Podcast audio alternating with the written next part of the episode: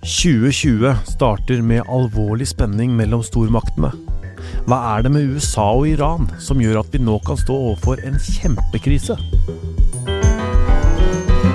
Jeg heter Tor Erling Tømt Ruud, og dette er Verdensgang.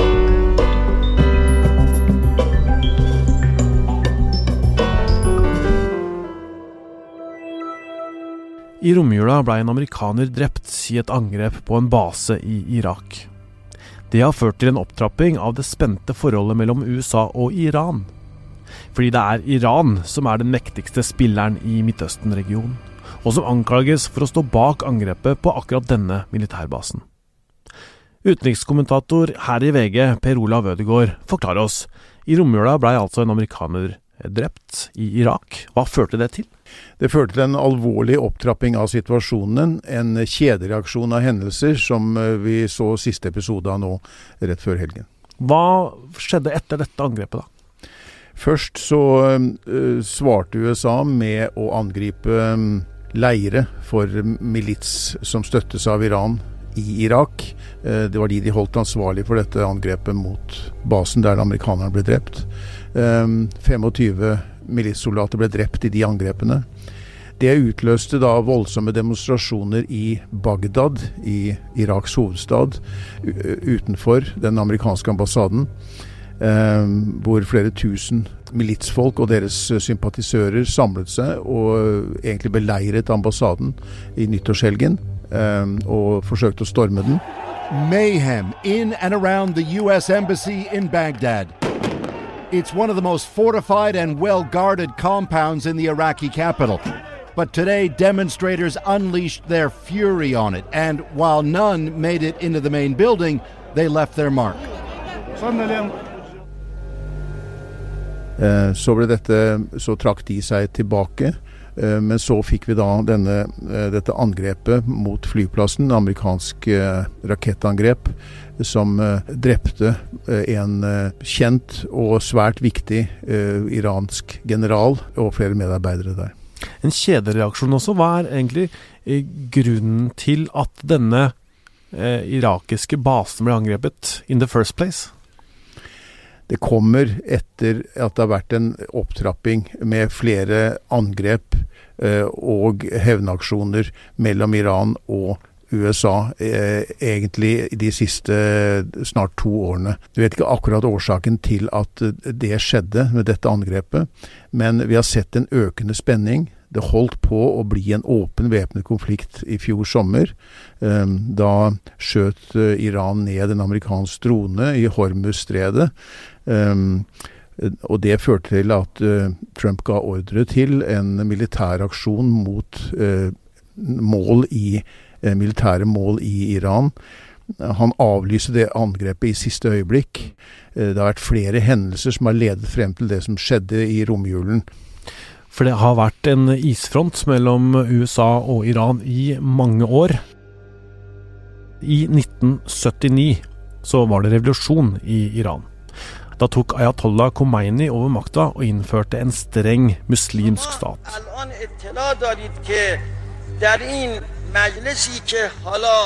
Fra før var Iran ganske vestlig orientert, og de fleste iranerne her i Norge er opprinnelig flyktninger fra dette nye styret til Khomeini. I denne revolusjonen blei amerikanske borgere og diplomater tatt som gisler i Iran. Og over 50 av dem ble holdt fanga i 444 dager. USAs president Jimmy Carter måtte gå av, og det var Ronald Reagan som tok over etter ham. Etter det har det vært iskaldt mellom USA og Iran.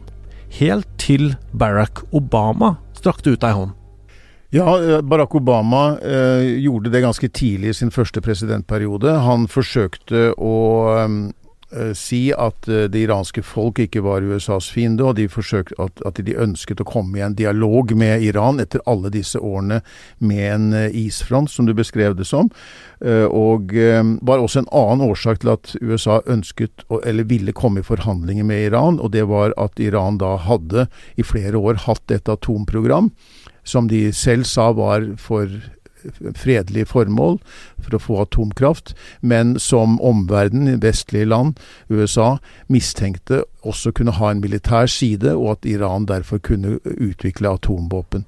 Det gjaldt å få en avtale med Iran. Derfor så eh, kom det da i 2015, etter langvarige forhandlinger, flere år, kom det i stand en avtale med de fem faste medlemmene av FNs sikkerhetsråd, pluss Tyskland, eh, og Iran. Så, og USA var en viktig drivkraft i, dette, i disse forhandlingene, eh, som da innebar at um, Iran sa seg villig til begrensninger i sitt atomprogram, mot at de fikk lettelser i de økonomiske sanksjonene som var innført mot landet, nettopp pga. dette atomprogrammet. Hva slags økonomiske sanksjoner var det som Iran da hadde levd under så mange år? Det var uh, først og fremst uh, ganske strenge økonomiske sanksjoner, som uh, hemmet selvfølgelig utviklingen av økonomien i Iran, og som ikke minst vanlige iranere merket ganske på kroppen. Og Det var jo da grunnen til at Iran gikk med på denne atomavtalen? da? At de, de fikk litt bedre kår, rett og slett? Ja, de fikk, de fikk, lettelser i disse De fikk fortsette med sitt atomprogram, med begrensninger. Eh, de måtte tillate at inspektører kom inn i de anleggene som de hadde. Eh, de måtte, redus, de måtte sette tak på hvor mye de kunne anrike av uran, og slike ting. Men samtidig så åpnet det for økonomisk handel eh, med verden, eh, og ikke minst med vestlige land. Det åpnet for at de også ble på en måte fikk en anerkjennelse da, eh, av USA og andre vestlige land. Mm. Eh, slik at eh, forholdene ble normalisert, og det var også noe som Iran var opptatt av. Den avtalen eh, ble vel ikke godt tatt imot overalt, eller? Den ble kritisert uh, av flere um, fordi den var ikke omfattende nok, og også det at den hadde en tidsbegrensning. Men det var en avtale som allikevel eh, fikk bred støtte i verden blant stormaktene og for øvrig, og som på en måte åpnet et nytt kapittel, da, hvor de i hvert fall kunne snakke sammen. Det var ganske vesentlig. Det hadde ikke vært direkte forhandlinger mellom USA og Iran siden revolusjonen, før dette kom i stand. En av dem som var eh, avtalens største kritikere, var jo Donald Trump. And when they signed that deal, they were screaming death to America. Do you remember? Death to America. How do you sign a deal when they're screaming death to America? They don't talk that way anymore. Han har brukt mye tid på å snakke ned denne avtalen og kritisere Obama for det. Han har også kalt det eh, kanskje verdens verste avtale. Eh, hva mener han med det? Han har eh, vært opptatt av å eh, annullere eh, mange av de internasjonale avtaler som Obama gikk inn på. Han utpekte tidlig denne Iran-avtalen som eh, verdens verste, som du sier. Og eh, han mente at nettopp av de grunnene jeg sa, og han mente derfor at den var eh, helt ubrukelig og farlig, egentlig. Um, og han gjorde det ganske klart at han ville si opp den avtalen, noe han da også faktisk gjorde for snart to år siden. Hva skjedde etter det? Etter det så har vi sett en uh, opptrapping, en økt spenning i regionen. USA er jo uh, sterkt til stede ø, både militært og økonomisk i denne regionen, eh, og har eh, allierte eh, både med Saudi-Arabia og med Gulfstater. Vi har sett en opptrapping hvor Iran har reagert da på det som de mener er en slags økonomisk krigføring fra USA, i mm. form av en innskjerping av sanksjonene, de økonomiske sanksjonene. USA forsøker å hindre Iran i å selge sin olje, som er på en måte den eneste viktige, store inntektskilden landet har. Mm. Og uh, Iran føler at de altså er utsatt for en økonomisk krigføring, og så har de svart på det på den måten de mener de kan gjøre. Og det har vært uh, en opptrapping av angrep. Ja, For hvor mye makt har Iran da, i denne regionen?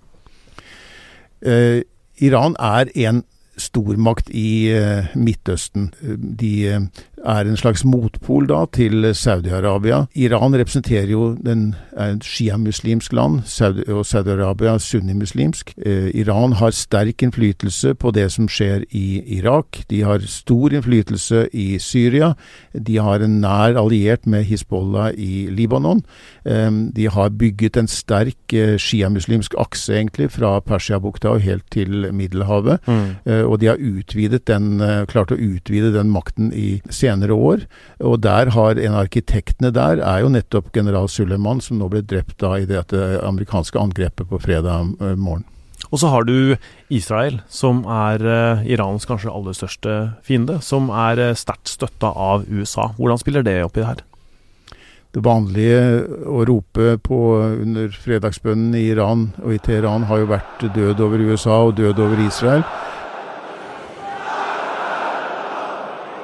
Israel har også ansett Iran, eller anser Iran for å være den største eksistensielle trussel da, mot, mm. mot, dem. Og Israel er jo som vi vet en veldig nær alliert med USA.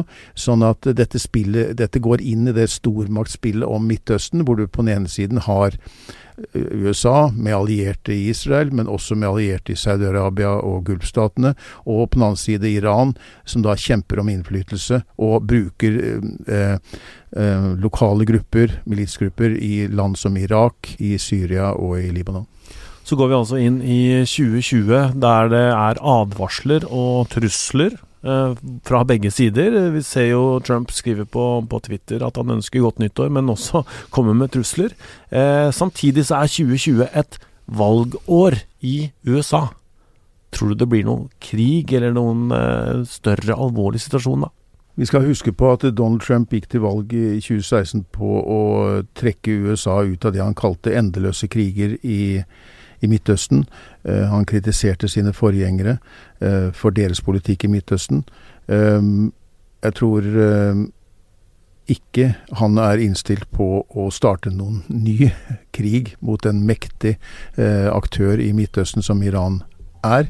jeg tror heller ikke Iran på noen måte ser seg tjent med en stor krig. Det som er farlig med situasjonen i dag, er jo at disse stadige voldshendelsene kan eskalere inn i en, eh, bli en slags voldsspiral som allikevel kan utløse en, en, større konflikt. Takk skal du ha, Per Olav. Eh, vi må si da at dette her er eh, spilt inn fredag ettermiddag, og at vi ikke nå vet om det kommer noen hevnaksjoner eller andre angrep i helgen. Verdens Gang lages av Emilie Hall Torp. Nora Torpe Bjørnstad og Kristine Hellesland, og meg, Tor Erling Tømtrud. Teknisk produsent er Magne Antonsen.